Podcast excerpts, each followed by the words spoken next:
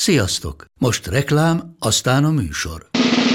A műsor, valamint az élményekkel teli utazások, személyre szabott ajánlatok és állandó kedvezmények támogatója a Molmove hűségprogram. Nyisd meg a Molmove appot a profilodba belépve, add meg az Autobutik promóciós kódot, és tankolj Molevo és Evo Plus üzemanyagjainkból 15 forint per liter kedvezménnyel. Ne feledd, az Autobutik promókóddal most még jobban megéri Molmove tagnak lenni. Vége a reklámnak, jön a műsor.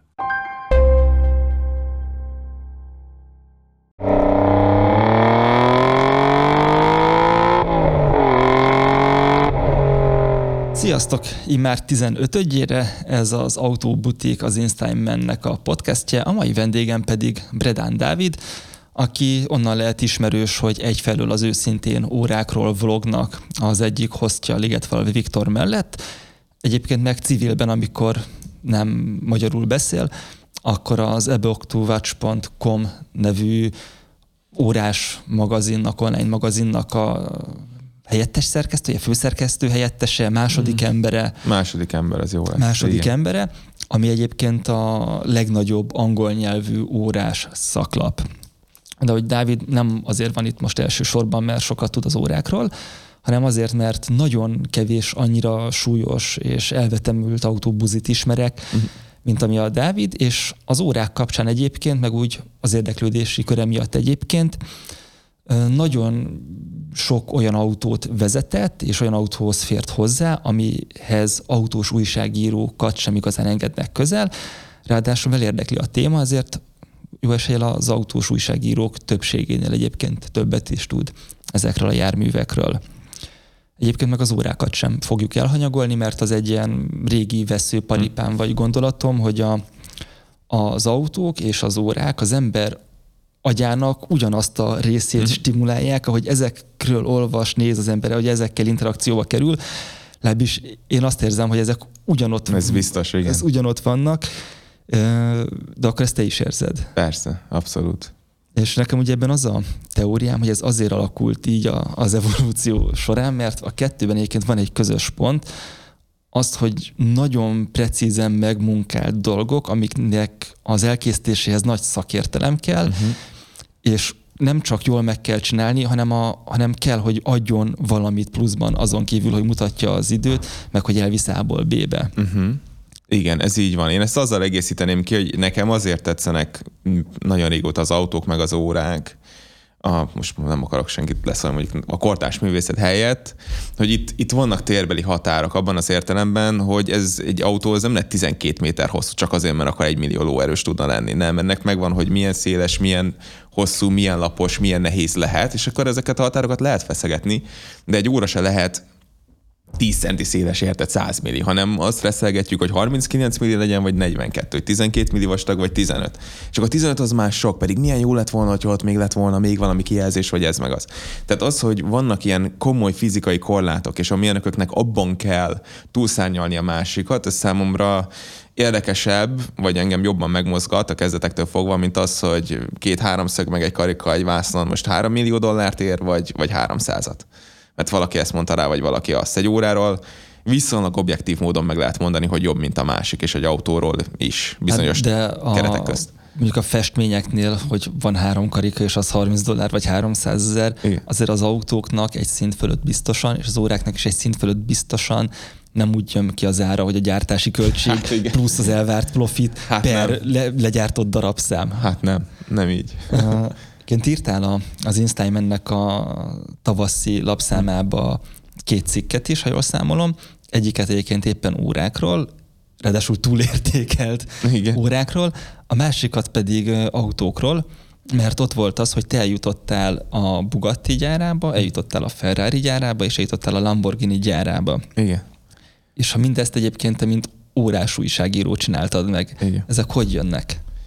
Hát ezek úgy, hogy, hogy van ez az Block to Watch, és ez tényleg ö, első oldalon vagyunk a Google-be, hogyha bármi órára rákeresel, akkor szinte biztos, hogy, hogy, hogy a mi tartalmunkat meg fogod találni, amit mi írtunk. És nem csak most, hanem az elmúlt bő 14 évben. Tehát 12 ezer cikket írtunk eddig így kollektíven, és annak kb. a fele a saját fotó, a másik fele meg nyilván sajtóanyag, meg hivatalos képek. Mert van olyan, hogy valami egy hír, de van olyan, hogy val- és akkor a gyári képeket azt mondjuk, meg van olyan, hogy valami egy teszt. És ez, ennek olyan húzása van, és olyan mértékben befolyásolja az óra vásárlókat, így az évek alatt bizonyíthatóan százezer, sok százezer, meg millió szám, hogy ezek a márkák időről időre meghívnak minket, és azt mondják, hogy hé, ez az, amit most mi csinálunk ezzel az autógyártóval, és meg szeretnénk mutatni a ti közönségeteknek. Úgyhogy gyertek el, és akkor lássátok, hogy mi mondjuk, hogy dolgozunk együtt a Bugattival, hogy miért releváns ez az együttműködés, vagy miért releváns, hogy a Lamborghinivel nem tudom, csinálunk valamit, vagy az Uber a Ferrari-val. És amúgy ez a három, ez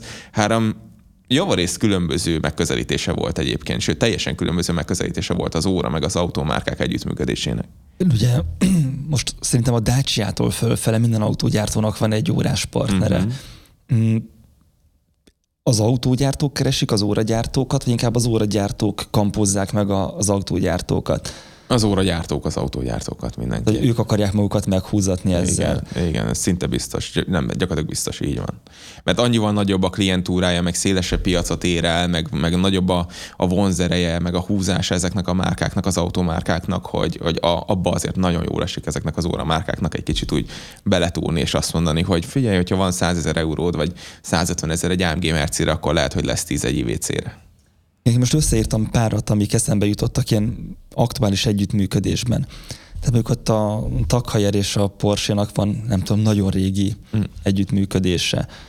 Ott ugye gondolom a motorsport volt a kapocs, de uh-huh. ott mhm. is azt gondolom, hogy talán a Takhajernek fontosabb a Porsche, mint uh-huh. viszont a Bugattinak most ki a... a Jacob, Jacob Ott, ott a lehet... Parmigiani után. Tehát én a Parmigiani Fleuryével voltam még a Bugattinál, egy uh-huh. öt éve, hat éve, és, és az, az volt az egyik utolsó trip, amit ők lenyomtak, de akkor egyébként, amikor ez megtörtént, akkor ez a kis óragyár, ez a Parmigiani Fleury volt a leghosszabb állandó partnere a Bugattinak.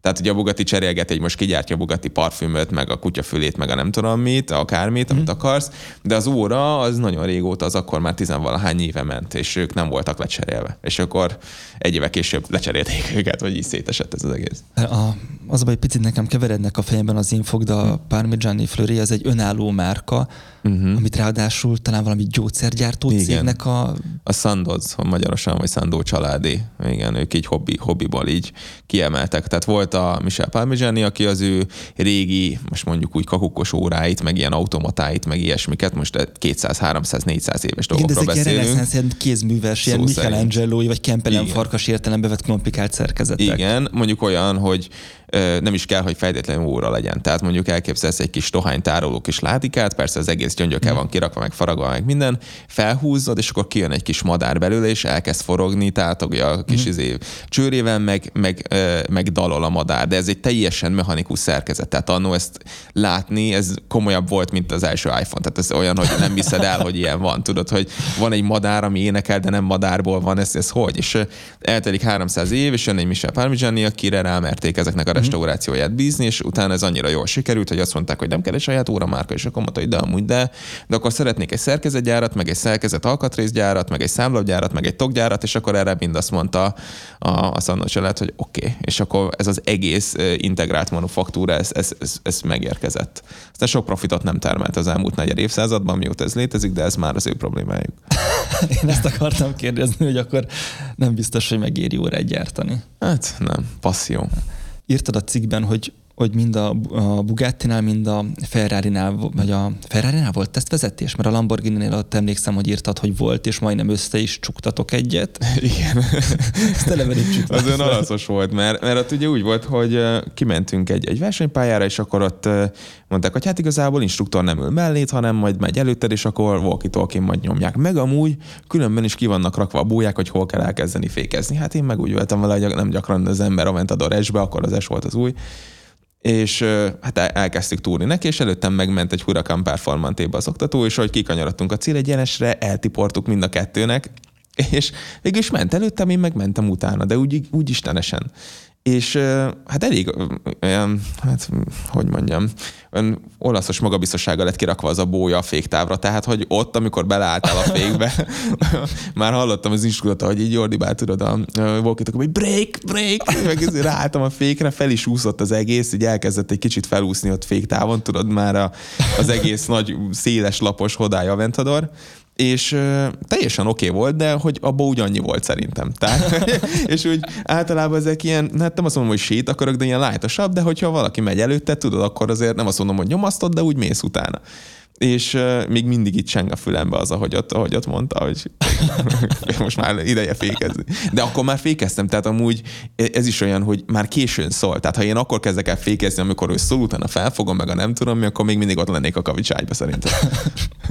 Viszont uh, Bugatti Chiront nem engedtek téged vezetni. Nem, azt külön kell uh, uh, leegyeztetni. Én az Andy Valasz mellett ültem, aki többszörös Le Mani győztes és a Bugattinak a, a hivatalos tesztpilótája. És akkor úgy volt, hogy negyed órás kör lesz, de aztán úgy belekockoltunk a síromba, hogy fél órán át ott köröztünk, meg nem mondta, hogy ez, ez, tényleg, tehát hogy olyan jókat lehetett beszélni vele, meg annyira olyan mélységébe ismerte azt az autót, hogy, hogy az valami elképesztő volt. És annak meg az az élményem van, nyilván az iszonyatos gyorsulás, meg, meg, meg fékezés élményen kívül, hogy ott Franciaországban mentünk az autópályán, nem kevéssel, és utána jött egy ilyen felüljáró, amire oké, okay, lehajtó, felüljáró, és akkor, hogy megyünk föl, ott volt egy ilyen, hát egy ilyen hézak hagyva a felüljáróba. Dilatációs, dilatációs hézak. hézak. pontosan.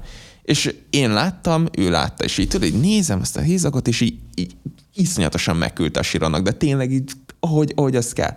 Rongyulunk-e felé a héza felé, én gondolkodtam, mondom, én nem tudom, hogy itt most mi lesz, és az egész autó gyakorlatilag elemelkedett, de tényleg azt érzed, és így, hogy fenn voltunk a levegőben, utána meg azt éreztem, hogy így megfeszül valahogy így, így, így hirtelen összehúzza magát az autó, és hogy így leérkeztünk, valami egészen elképesztő érzés volt, és így ránéztem, és mondtam, hogy mondom, ez most mi volt, mi történt? És mondta, hogy hát van benne, most nem akarok hazudni, már emlékszem mennyi, mondjuk 12 különböző ECU, ami ezeket ilyenkor mindig nézi, és másodpercenként, ezred másodpercenként megnézi, tudod, hogy akkor most mi történik, minden oké -e? és amikor te felemelsz egy ilyen 1500 lóerős autót a levegőbe, akkor nyilván elkezd iszonyatos erővel tudod hajtani mm. a kerekeket, minden utána azt lerakod, akkor az autó négy sarka négy irányba fog szétszaladni, és ott annak semmi jó vége nem lesz. És valahogy tényleg az az, az, az iszonyatos feszesség, meg reakcióidő, meg minden az a, az, hogy viszed magaddal ezt a gépszennyet, és a Monakóba mész vele 20 a kaszinó elé leparkolni, ő akkor is minden pillanatban megkérdezi ezt magától. És amikor a 8000. kilométernél neki küldött 200 egy dilatációs hézagnak, akkor is azt fogja mondani, hogy most, most, most, most, most, és akkor amikor felemeled az egészet a levegőbe 200 akkor azt mondja, na most, és akkor akkor túléled, és egyben marad az autó alattad. De ez, egy, ez bármilyen felkap a dolog, és azt mondani, hogy ezek, ezeknek már nincs lelke, van, de tényleg csak sok réteg alatt nyilván. Uh, hogyha már a lélek szóba kerül, akkor mm, ezt kitúrtam, hogy te voltál a, a Shelby-nél is kobrázni. Igen. Kaliforniába. És oda is óra gyártó vitt el téged, Igen. a Bomet Merci. Igen, ott a, az a Superformance, és a Superformance-ról azt kell tudni, hogy ők a jogutódja a Shelby-nek, és ők gyárthatnak mind a mai napig hivatalosan Shelby kobrát. És hát ugye Carol Shelby azért minden lében 12 kanál volt, tehát ő beregisztrált egy rakás vint előre, és ezért vadonatúj Superformance kobrát tudsz venni 1960-as évekből származó vinnel, alvásszámmal. Őrülj meg, és akkor ki tudják kerülni a különböző minden. emissziós előírásokat. Minden. És mindent. itt Európában már ótészheted azonnal. Tehát ha Németországban akarsz, akkor H plate tehát hogy H rendszámost kapsz azonnal úgy, hogy vadonatúl múlt héten készült el az autó, amit akarsz. És ráadásul Dél-Afrikában gyártják a kasznit, utána azt átviszik, de úgy, hogy néztem az autót, és mondom, úristen, mondom, ennek ez a kék, ez a fényezés, ez mondom, ez, ez, ez hány centiméter? Tehát, hogy olyan fénye volt, hogy mondom, ezt nem hiszem el. És akkor mondják, hogy hát igen, igen, hát ugye ezt Dél-Afrikában gyártjuk, és ott nem ugyanazok a szabályok a fényezésre, mint mondjuk, ami, amiben egy német vagy akármilyen autógyártónak bele kell néznie. Tehát, hogy valami régi festéket tudnak használni, és olyan fénye lesz az autónak, meg olyan élete lesz, hogy ez valami elképesztő. És akkor ezt a kasznit átviszik Kaliforniába, és te olyan hajtásláncot kérsz bele, amilyet akarsz, meg olyan belső teret, meg ezt, meg azt. Ott gondolom a nagyon sok lakréteg is van, ugye attól lesz a Harley-nak a fényezés egyébként azért tud olyan nagyon brutálisan jól kinézni, uh-huh. így mert ott nyolc rétegbe. Uh-huh. Lak, visszacsiszol, lak, szárad, visszacsiszol, és ezt játszák, nem tudom, két héten keresztül. Így van, de hogyha mondjuk most ránézel egy, és nem akarom leúzni, de ránézel egy Porsche PTS kékre, az se ilyen még. Tehát, hogy, hogy ezek az újabb vízbázisú, meg ilyen-olyan Hmm. környezetbarát festékek, ezek, ezek nem, nem lesznek olyanok soha mint amit mondjuk a 60-as vagy a 80-as vagy akármikor tudtak csinálni. Tehát, hogy a mai autógyártók szerintem nagyon sok minden nagyon máshogyan csinálnának, ha tehetnék, de egyszerűen le vannak folytva különböző olyan dolgokról, amiket, amikről mondjuk vagy nem olvasunk, vagy nem tudunk, vagy csak ami beszélgetésbe felik, vagy hát jaj, amúgy nagyon nem így festenénk az autóinkat. Tehát, na mindegy, ez már egy másik téma, de lényeg az az, hogy igen, azt vezethettem is, azóta vadászom, tehát most is el van mentve a mobilén kettő Superformance, mert ezek egy időnként szoktak föllenni. nem biztos, ami biztos.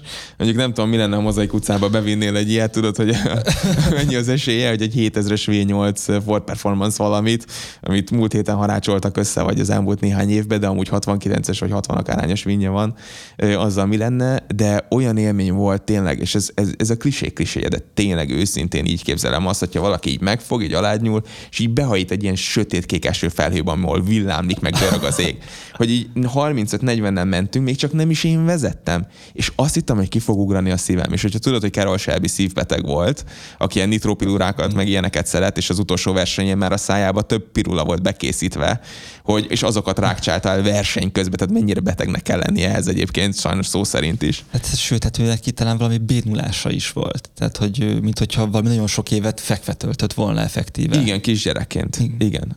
Hát e- emiatt a dolog miatt, és akkor utána megműtötték, és akkor utána egyébként elég sokáig jó volt, és utána elkezdett hanyatlan így az egészség, és akkor egyre többször kellett ilyen szívpörgetőket. Na ez a kobra, amikor beülsz, és a fülettől 40 centire van konkrétan oldalra, sidepipe-ba kivezetve a, a, a V8-nak a kipufogója, tényleg azt érzed, hogy ilyet, tehát hogy ez, ez, ez, ez egy olyan ember csinál ilyet, akinek folyamatosan kell az adrenalin. És azért tényleg nagyon sok érdekes, meg különleges, meg fantasztikus autó van, ami így felajza az embert, és mész, és érzed, hogy ez, ez egy másik szint tényleg. Tehát azt hittem, hogy a szívem kiugrik, és még nem vezettem.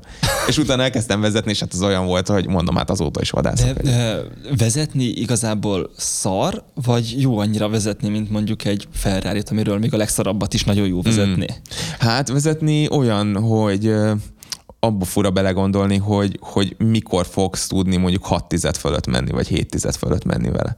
Tehát ez egy instant halál azonnal. Tehát, hogy ülsz egy kis üvegszálas ajtó mellett, oldalsó ablak sincs, semmi. Az öv az gyakorlatilag egy ilyen széles bőrpánt, amit így beakasztasz az, az ölet fölött. Tehát, hogy még Ja, csak nem is három pontos nem, öv? hát nincs hova felfogadni. Tehát, hogy így, így ülsz benne, és ráadásul az ülés is olyan, mint egy ilyen, mint egy ilyen nem tudom, 40 éves trolli ülés, tudod, tehát, hogy se fejtámla, semmit, tehát akkor a viples ostor csapást kapsz azonnal, mint a szél. Van egy fakormány előtted, mondjuk kettő vagy három acélküllővel, és akkor viszlát meg ez a gagyi anyakadba.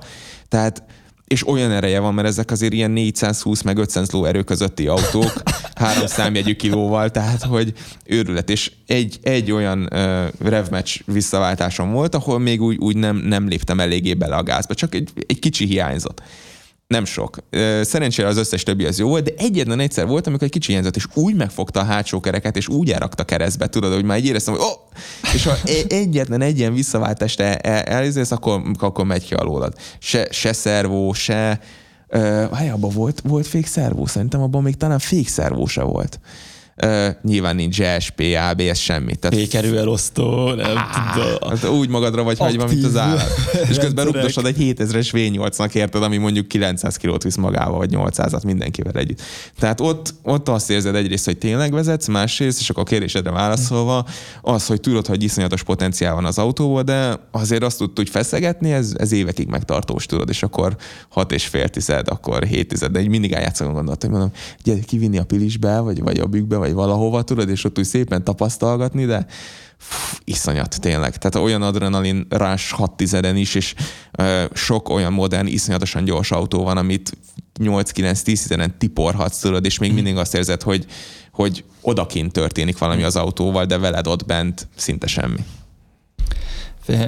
Szintén ilyen nagy élményként, erről már meséltél a vlogotokban, hm. hogy amikor kivittek téged a Mileméjára, Uh-huh. ami ugye egy hosszú ralli korhű autókkal, már mint Igen. a Igen. Mileméjának, amikor még valódi verseny volt, és, és stiften mentek Mhm. ki, és, és üldözték, annak a kornak az autóival Mhm. kell megtenni nagyjából azokat a távokat, csak nyilván Igen.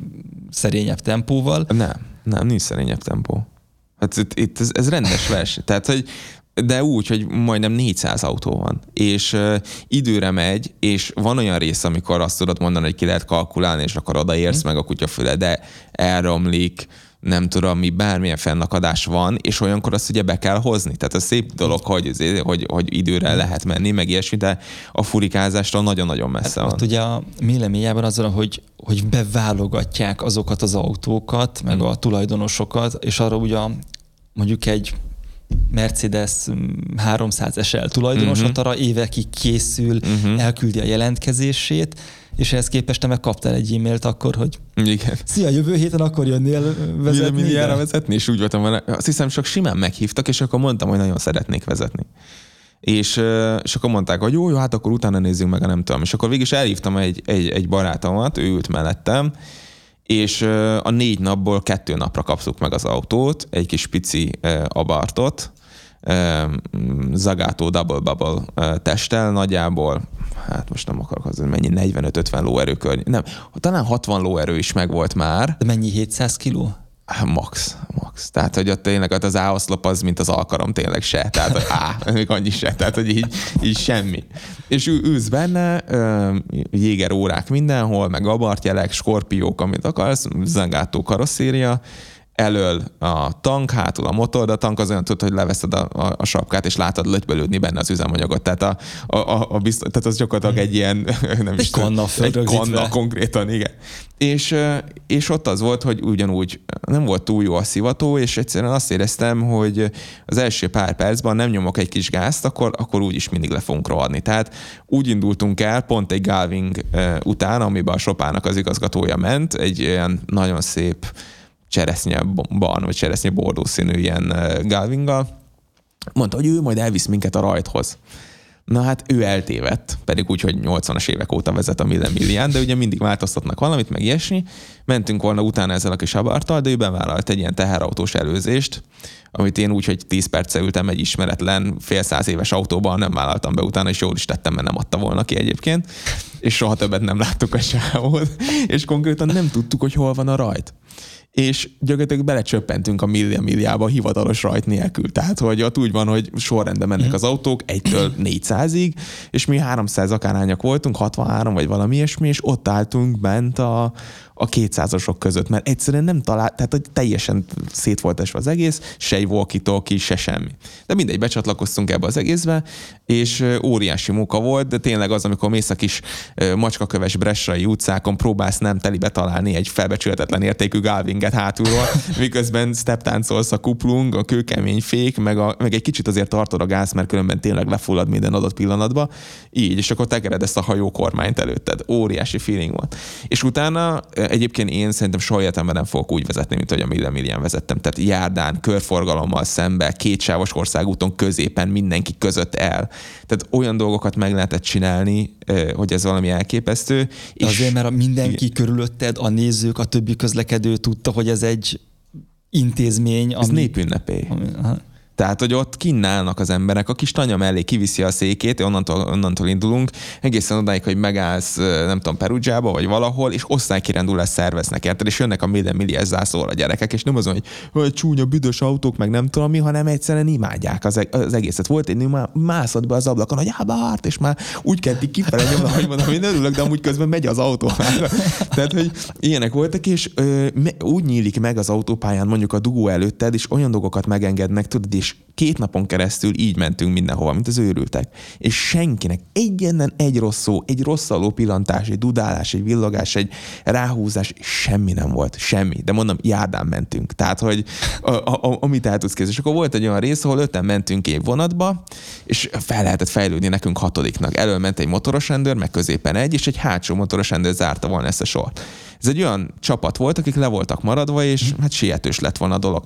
És hát az összes erejét összeszedtem a kis abartnak, tudod, így húszúrtam egy kettes nyílgáz, és akkor beengedett még a rendőr ugye minket hatodiknak, és úgy mentünk a naplementébe, Olaszországba a kétsávos országúton, úgyhogy ilyen hatalmas fák mind a két oldalt, egyiket se akarod eltalálni, hogy az első motoros rendőr pumpál a kezével a szembejövő forgalomba motorozik bele, és küldi ki őket a szélre. A középső az a mi oldalunkról, és így középen nyitottak egy folyosót. Na ott 140-150-nel egy olyan autóval, aminek ennyi a vége. De úgy, hogy 2.30-ig vagy 2.40-ig volt az óra mérve, ami olyan, mintha most lenne egy 2000-es dízel Mondeo, ami 400-ig van kalibrálva, tudod, tehát, hogy erősen aspirációs volt az a kis, röhögtem is rajta egyet. És akkor megkérdeztem az utasomat, hogy amikor felmentünk az autópályára, hogy akkor megnézzük, hogy mennyi a vége, érted, ilyen 185-ös gumikon, tehát, vagy még annyi se. Dobfékek mindenhol nyilván. És mondta, hogy hát, hát nézzük meg, nézzük meg, de mondom, most nem, nem tudom, hogy itt ebből mi lesz, tudod. És még meg is van videóban tényleg, hogy ilyen 155-160 órával a vége, egy 550 Spider után mentünk, egy Porsche 550 Spider után. És tényleg ott azt érzed, hogy élsz egyébként. És amikor elveszed, és az autó is így elkezd felélegezni, és így elsik a fordulatszám, és így kifutja magát az autó, hogy azt érzed, hogy így ez nagyon necces volt. De jó buli volt nagyon.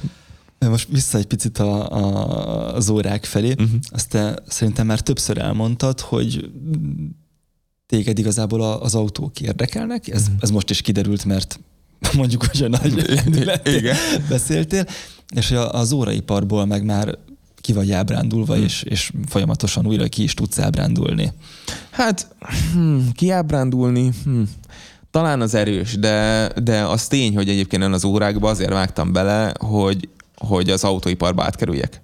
Tehát nekem az volt a tervem, hogy én rögtön legszívesebben fősuliból, a, meg már gimiből is az autóiparba mentem volna. Tehát nekem az autó az első dolog, amire emlékszem, hogy tetszik. Tehát az első koherens gondolatom, emlékem arról, ami, ami tetszik, ami, ami vonz, az az autók tényleg. És ezt az összes régi kis teszett azt a nyomorult fénykép rólam, amikor tudod, ott vagyok, nem tudom, másfél-két, mindig mindent tologattam, meg nem tudom mit, tehát nekem ez, ez volt az életem, és azóta én őszintén azt gondolom, hogy szerintem szerintem nem volt öt nap az egész életemben, amikor valamilyen formában ne forgott volna az autókkal, és akkor szerintem tényleg sokat mondok.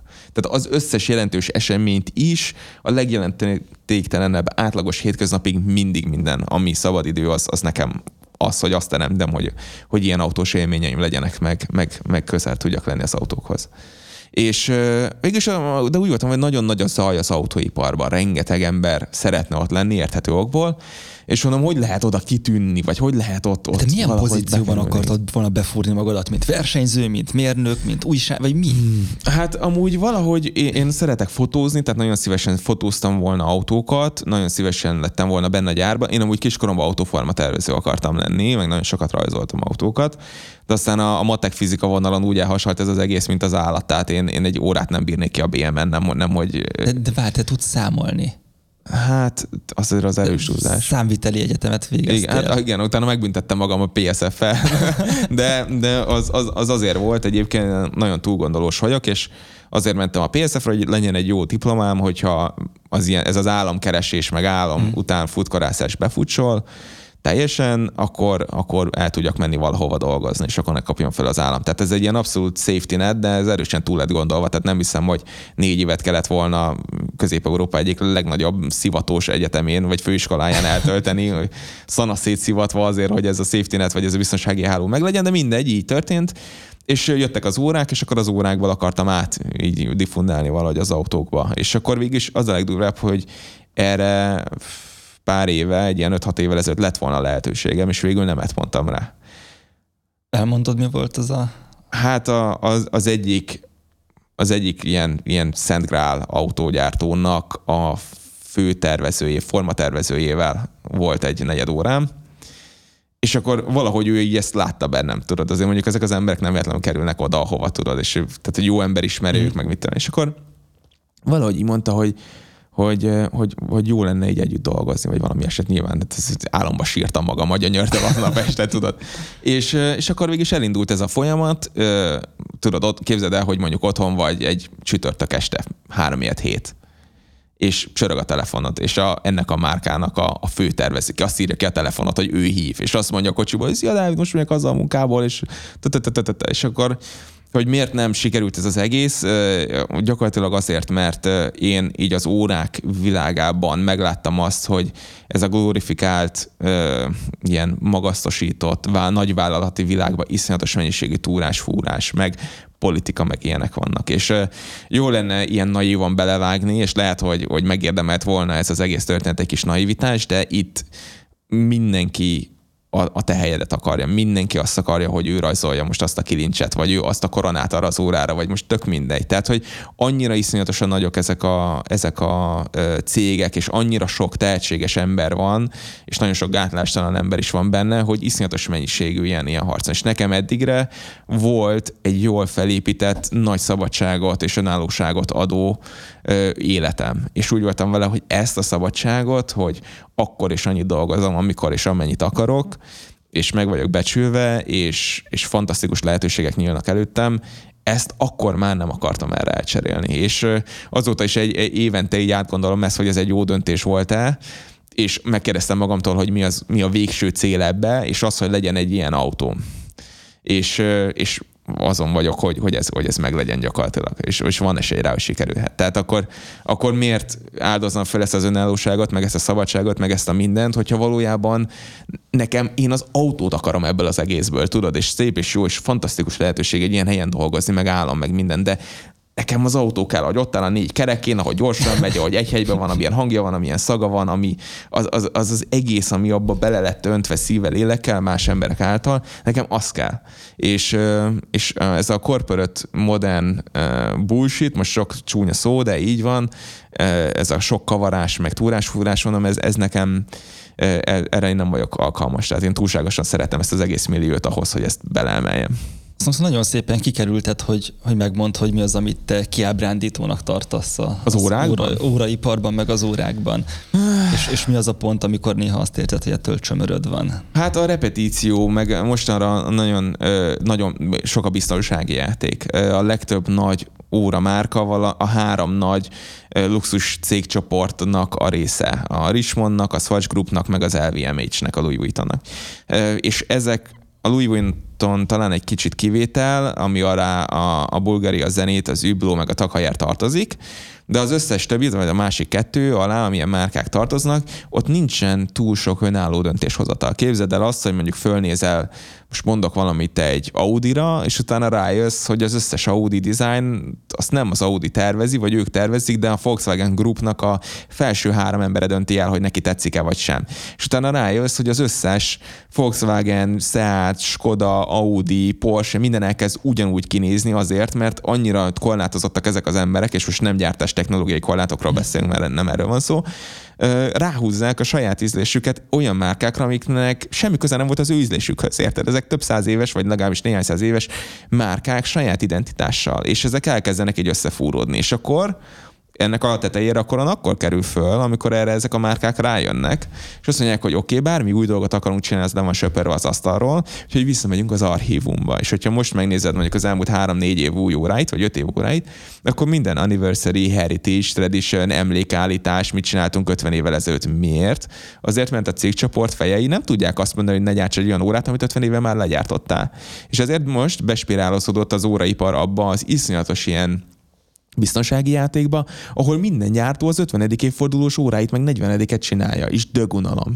Még a 2000-es, a 90-es évek, a 2000-es évek és egy kicsit a 2010-es évek órái elképesztően változatosak voltak. Anyaghasználatban, színbe, dizájnban, mindenki nyomult, próbálta újat alkotni, rájöttek, hogy úristen, mennyi király dolgot lehet itt csinálni. És ezzel most be lett húzva a kézifék, és ezért, ezért egy, egy kicsit uncsip most az óraipar, mint volt. Ként egy órán te mit nézel meg először? Hmm. Hogyha hogyan döntöd el mondjuk az első öt másodpercben, hogy ez szerinted király vagy nem király? Hát az első az az, hogy, hogy feltűnik, hogyha, hogyha nem minőségi az árszint. Ezt tehát be tudom lőni, hogy mennyibe kerül a márka meg a kollekció miatt, és utána 5 másodperc alatt látom. És akkor egyébként ugyanígy látom, hogyha valakin hamis óra van. Tehát egy másodpercek. Tehát mész, mint a Terminátor, és így a szemedben így írja, hogy hamis, hamarabb, hamis. hamarabb veszem észre, hogy hamis, mint hogy felfognám, hogy néztem az óráját. Uh-huh. Ez, ez biztos, hogy így van, ez tuti és onnan látod, hogy egyszerűen bármilyen hülyén is hangzik, de nem úgy, nem úgy törik a fény rajta. A legtöbb hamis órán mondjuk olyan üveg van, ami soha nem törik úgy a fény egy, egy, egy igazi órán. Hogyha már átesznek egy normálisabb mondjuk zafírkristályt, ami mondjuk kb. hasonló formára van becsiszolva, akkor a tok nem lesz olyan, akkor a szín nem lesz olyan, akkor a számlap nem. És akkor utána vannak ezek a nagyon durva fékek, de egyébként azt gondolom, hogy még talán arról is meg tudnám mondani, több-kevesebb sikere, tényleg az abszolút néhány ezer eurós hamisítványok talán nyilván leszámítva. De egyébként azért egy ilyen challenge-et is szívesen megnéznék. És ez szóval a minőséget nézem, és hogyha a minőség az ár szempontjából rendben van, akkor az arányokat az, arra szerintem nincsen mentség, amikor egy, amikor egy órán rossz arányok vannak, mert onnantól nem kell, kész. És amúgy most itt van ez a üveg, vagy ez a műanyag palack víz, erre se, ezt se vennéd le a polcra, ha nem lennének jók az arányai, hogyha hülyén néz neki, hogy a kupak, meg az üvegnek az aránya, meg ahol ez a benyomódás van, meg ahol a címke van. Ha ezek ellenének tolva ezek az arányok, akkor itt egy palack vizet nem veszel meg. Miért vennél meg egy százezres vagy egy milliós órát? De ezt most ne nekem mond, hanem másnak, mert én vennék Sangyong Gródiuszt, mert, mert, mert imádom azt, hogy nagyon más milyen, mint ami bármi más, ugyanígy a Citroen kacsár is, uh-huh. rohadtul oda vagyok, mindenért, ami uh-huh. egy, egy picit eltér a, a ja, én, ó, hát én, én ezt abszolút támogatom. Tehát én nem azt mondom, hogy ne legyen más, hanem csak, hogy álljon össze valami, valami amitől úgy, mm. úgy vezeti a szemet, vagy hogy úgy valami legyen rajta. Az egy, egy 13-as felnivel talán már nem kéne az a szangyong, tudod, mert az megint aránytalan. Lehet, hogy, Lehet, hogy elég averáltak vagyunk. Meg, meglátjuk, hogyha... Jó. A... Veszel egy szangyangot, szerzek rá neked egy 13-as felnét, és kipróbáljuk. Uh, és most említettél béna gyártókat. Én úgy vettem észre meg, amikor a Breitlinnek az egyik eseményén uh, beszélgettünk, ott én úgy vettem észre, hogy például a Breitlinget azt tök sokra tartod, és azt egy, egy bátor és uh-huh. merész dolognak látod, és nekik ugye pont volt egy autóipari erős váltásuk, uh-huh. ők nagyon sokáig, nem tudom, vagy tíz évig a, uh-huh. a Bentley-vel voltak uh-huh. összegyógyulva, és ott ugye jött egy új igazgató, ami kb. mint amikor a megterített asztalt, ahol azért van egy, egy két cigi is ott van, azért yeah. azt így fogta, így lesöpörte az egészet a francba, és és akkor állítólag is te azt mondtad talán, hogy, hogy a Breitling dobta ki a Bentley-t a megállapodásból. Hát igen, polkorrekten csinálták, tehát nem kidobták, hanem, hanem nem újították meg, de még hátra volt pár év, és, a, és az abszolút minimumot csinálták, ami, ami a szerződésben elő volt írva. De a Breitlingnek a Bentley az nem elég upmarket? Túl upmarket. Túl upmarket? Tehát túl luxus, és mondta a, a, a George Kern, az igazgató, többször is így a Bentley-vel kapcsolatban, hogy ő a Breitlingből bármilyen fura is, és azért ilyenkor mindig forgatom a szemem egy kicsit, hogy egy ilyen inkluzív, egy ilyen elérhető, vagy befogadó luxusmárkát akar csinálni, ami teljes paradoxon jelenség, tudod az, hogy a, a luxus az definíció szerint kirekesztő. Tehát hogy a, a, az arról szól, hogy nekem van, neked nincs, vagy neked van, nekem nincs. Hogy a, a, semmi nem tud úgy luxus lenni, hogy mindenkinek van. Azonnantól kezdve nem az és a Breitling sincsen utoljára, amikor néztem mindenkinek a kezén a kettes metró, most, ahogy idefele jöttem, és bentley se sokat láttam a dugóba, amikor feljöttünk a Pillangó utcánál, tehát pontosan erre van ez. De, és ebbe egyetértek egyébként a könyvnél, hogy ha bejön az átlag user, és van neki másfél, két, három millió forintja egy luxus órára, az még nem jelenti azt, hogy van neki száz egy autóra, vagy 80 és, vagy 60, vagy akármennyi, mert, mert azt mondja, hogy nem. És azt mondja, hogy lehet, hogy olyan a portékám, hogy neki tetszik, és azt mondja, hogy tetszik ez a Breitling, meg tetszik ez az óra, ú, de Bentley nem, nem. Én nem akarok olyan lenni, mint aki úgy tesz, mintha lenne bentley de valójában nincs, vagy nem akarok olyan emberekkel társulni, akiknek meg talán van, hanem hogy basszus legyen elég az, hogy egy három milliós óra van a kezemben, és nem kell, hogy még egy Bentley társítás is legyen hozzá. Igen, így most már viszont értem azt, hogy, hogy a Bentley helyett miért olyan márkákkal hmm. bútoroztak össze, mint a Triumph. Meg a Deus. Igen, a Deus neked megvan egyébként, hogy az micsoda? A Deus Ex Machina? Hát uh, milyen értelemben van meg, vagy hogy érted? Uh, hogy hogy az igazából az egy ruhamárka, ugye? Ami, mert egy ruhamárkát gyártó csávó Dare Jennings uh, találta ki, uh-huh. akkor akinek nincs meg annak elmesélem, hogy ez egy ausztrál szörfős punkzenész csávó volt, aki csinált egy lemezkiadót, amin a haverjainak, meg a saját zenekarjainak az ilyen jobb-rosszabb lemezeit adogatták ki, de az úgy szépen haladt, és akkor kit, de viszont mindegyik lemeznek, amit kiadtak, nagyon jó uh-huh. borítója volt, de tényleg ilyen uh-huh. És akkor rájött, hát igen, ők grafikában erősek. És akkor csináltak egy ruhamárkát ott Ausztráliában, ez volt a Mambo Graphics, ami nagyon-nagyon-nagyon durván bejött, ez a 80-as évek uh-huh. közepétől talán, de azt, amikor mit a Johnny Rotten vagy John Lydon attól függ, hogy melyik korszakát nézzük, tehát a Sex Pistolsnak az egykori énekese. Igen.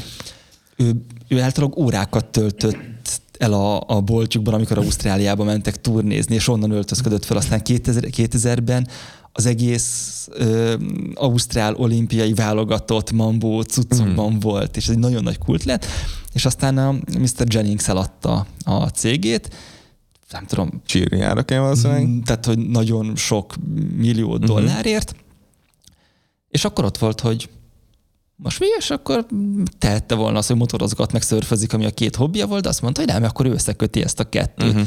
És akkor elkezdett ilyen motoros szörfös kollaborációt csinálni, elkezdett ehhez épített motorokat megrendelni, uh-huh.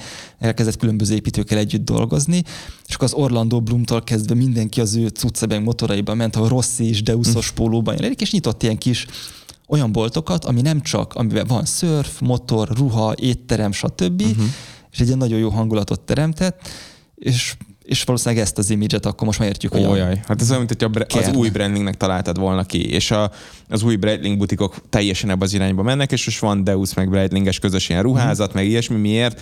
Azért, mert egy surfdeska nem kell annyiba, mint egy, mint egy Bentley. De ugyanúgy a szabadságot, meg, a, meg az önfeledtséget, meg a nem tudom, milyen dolgokat szimbolizál, ami, ami megy ugye a Breitlinghez. És erre jól rájött, mert már nagyon rá pókhálósodott ez a, ez a svájci óraiparra, ez a, ez a kis eltartós, úgyse vagy elég jó, hogy a mi óránkat egyáltalán megvedd jellegű üzenet helyett. A Breitling azt mondta, hogy hát bolondok vagytok, hát mindenki elég jó ez. Elég, hogyha nem tudom, szabad vagy, van egy kis izé Volkswagen izé, vened, vagy valami ilyesmit, tudod, és akkor az a le, a, nem tudom, de azért csak vegyél már Breitling Super ocean hogy nem tudom, azért meg legyen, tudod, hogy, és ha szereted az órákat. Szóval ezt, ezt jól megcsinálták, mert a Breitling évi 400-450 millió svájci frankról majdnem egy milliárdra nőtte ki magát három-négy év alatt, tehát ez elképesztő. Igen, valószínűleg visszahozták azt a rock and roll-t, ami a az óraiparból így. Mm. Pedig a Rolex is talán egy rock and roll márka volt. Másszál hegyet, merüljél le mélyre. Mm-hmm. Vezessél légi, nem tudom mit, uh, utasszállító repülőt, tudod, Igen, tehát ez egy tökös márka volt. Stiften. Ja, így van. És, uh, most is Hát a Rolex az, az, az tök más, hát, hogy van az óraipar, meg van a Rolex, és ez, ez, ez mindig így. Tehát, hogy ez, az, az egy külön dolog, senki nem hasonlít a Rolexre az óraiparból, semmiben. Ha valaki ezt bővebben meg tudná, akkor majd vegye meg a következő Instagram printet, ami november 9-én jelent meg, mert a Dávidot már leadta a cikkét arról, hogy a Rolex az az miért egy külön dolog, Igen. és nehogy elmesélt. Nem fogom. 3600 szó, úgyhogy itt le, ahogy nem tudom hány oldal lesz majd. Tényleg hány oldal lesz? Nyolcra betördeljük. Tényleg? Hetes betűvel, vagy hatosra kevésképpen. és tehát, hogy a, a rock and roll meg ez, ez mm-hmm. kiveszett, mert valahogyan nem mondj már egy híres svájci rockbandát, ugye? Na ugye. Uh, és akkor a Breitling akkor ezek szerint ő bevállalta. Be, jól áll neki, kicsit fiatalos, de nem, nincsen túltolva, nem bugyuta. De Ez... van még svájci rock and roll, vagy úgy általában rock and roll óra gyártó? Hát az Übló, az fullba tolta uh, elég sokáig, most ez is egy kicsit lecsengett. Uh, Richard Mill, az azért elég komoly, ők is benne vannak azért a topba erősen, top 10-be Okozom a volt egy automaton óra, amit megnyomtál, és, és táncoltak dolgok, ami Rolling Stones-os volt, és talán a Jacques Dro mm-hmm. csinálta, de nekem, én ott azon, nem, azon mindent éreztem, csak a rock and roll Nem, nem a Jacques Dro az, az pontosan a rápókhálósodott. tehát a Swatch Groupban, amikor, de azt bele is vezették a földbe, tehát az a márka az nincs. Ami, ami annyira elképesztő, amikor úgy megy fölfel a svájci óraipar, Covidon meg mindenen keresztül, mintha nem lenne holnap, akkor egy Harry Wiesnant, egy Jacques Drót, meg egy Blampant, meg ilyeneket belevezetni a földbe, az, az már tényleg szándék kell. És ez mind Swatch Groupos márka egyébként. Akkor nincs rock and roll arra felé. Ott, ott, ott nincs, nem érzik. nincs sok. Hm. De amúgy az érdekes, hogy, hogy például a, a Rolex nem tolja bele az emberek képébe, mert majd azt mondom, hogy Rolex, akkor megjelenik előtte egy Submariner, vagy egy Daytona, tudod, tehát ez az egyegységnyi búváróra, vagy kronográf, vagy bármi, vagy jobb, vagy adott esetben egy Day-Date, vagy egy Day-Jazz, vagy egy Explorer, vagy nem bármi ezek közül. De off katalógnak hívják ezeket általában, amik meg se jelennek, nincsenek a katalógusban, nincsen a boltba kirakva, de ha, ha tudod, hogy létezik, akkor se fogsz kapni, de legalább tudod, hogy létezik.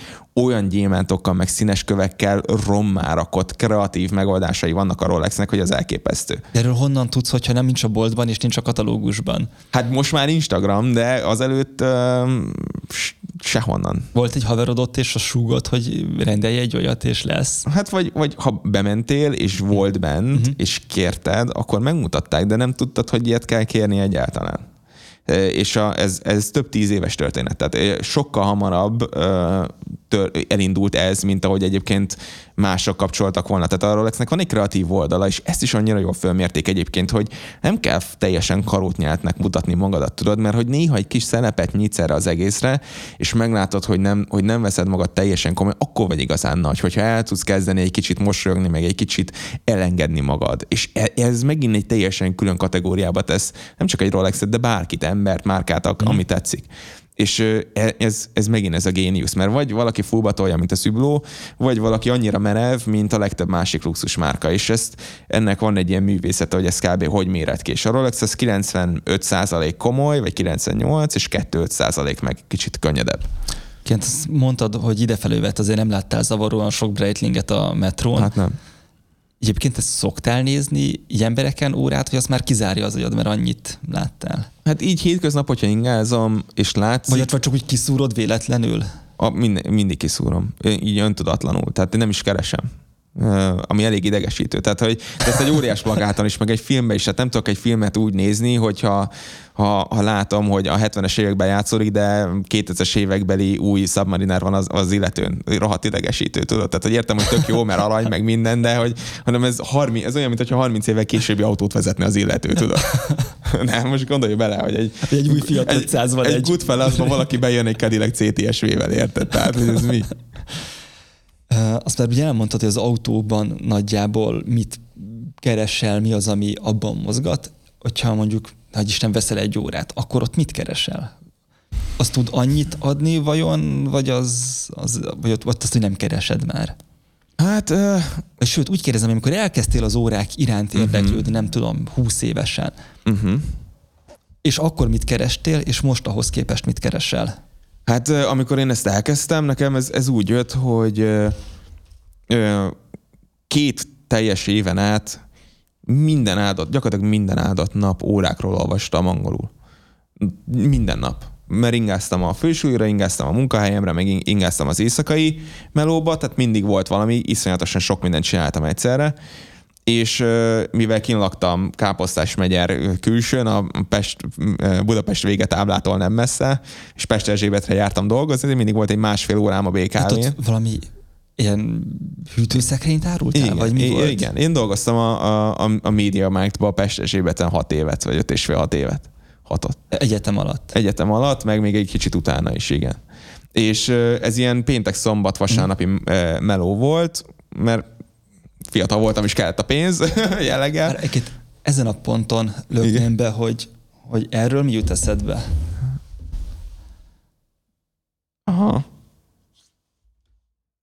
Ez egy, aha, hát ez komoly. Hát erről pontosan az az éra jut eszembe, igen. Lehet, hogy akkor te tudod is, igen, mert hogy én annó vettem egy ilyen iPod Touch-ot, a kis fizetésemből, és wifi keresztül otthon letöltöttem mindent, amit meg tudtam találni, ilyen kis pdf meg ebbe-abba, és, és a, mert ugye nem volt még olyan mobil, ami, ami lett volna mobilnet, aztán, hogyha volt, arra se volt pénzem, tehát hót mindegy volt, vettem egy használt valamit, és ezen olvasgattam a PDF-eket. Minden áldott nap, mondom, két éven át. És amikor megírtam az első órás cikkemet, akkor abban már benne volt ö, egyrészt az akkori angol tudásom, meg a két évnyi folyamatos gyakorlatilag ilyen szívacsként szívtam ezt magamban, mert mindig, amikor megtanultam valamit, akkor rájöttem, hogy mennyi mindent nem tudok még. Tehát, hogy ott mindig egy újabb ajtó nyílt folyamatosan. Két éven át technológiailag, márkába, árazásba, dizájnba, történelembe mindig volt valami. És két évig én egy, én egy betűt nem írtam le az órákról, csak olvastam. És amikor megírtam az elsőt, akkor az volt a célom, hogy indítok egy saját blogot, ez most 2012, Megírtam az első kis cikkemet a Zsezserlökült zsíroturbionról, betöldeltem az egészet, mint hogyha valami brutál magazinból, vagy ilyen coffee table bookból lenne, de az egészet Wordbe csináltam és elküldtem ezt a cikket végül is az Oblog Watch tulajdonosának és főszerkesztőjének, és csak neki. És mondtam, hogy mert rájöttem, hogy 2012 mondom, Káposztás megyerről ki fog engem meghívni Bázelvörbe, érted? Meg a, meg a, a Richard Mill gyárba, érted? Tehát, hogy az, az annyira messzinek tűnt, hogy az valami elképesztő volt úgy, hogy amikor engem fölvettek az Öblok 13 elején, tehát most már 11. évemet nyomom, akkor még minket, az akkor is már a top 2 legnagyobb angol nyelvű blogot épp hogy meghívták a helyekre. A legnagyobbat a világon.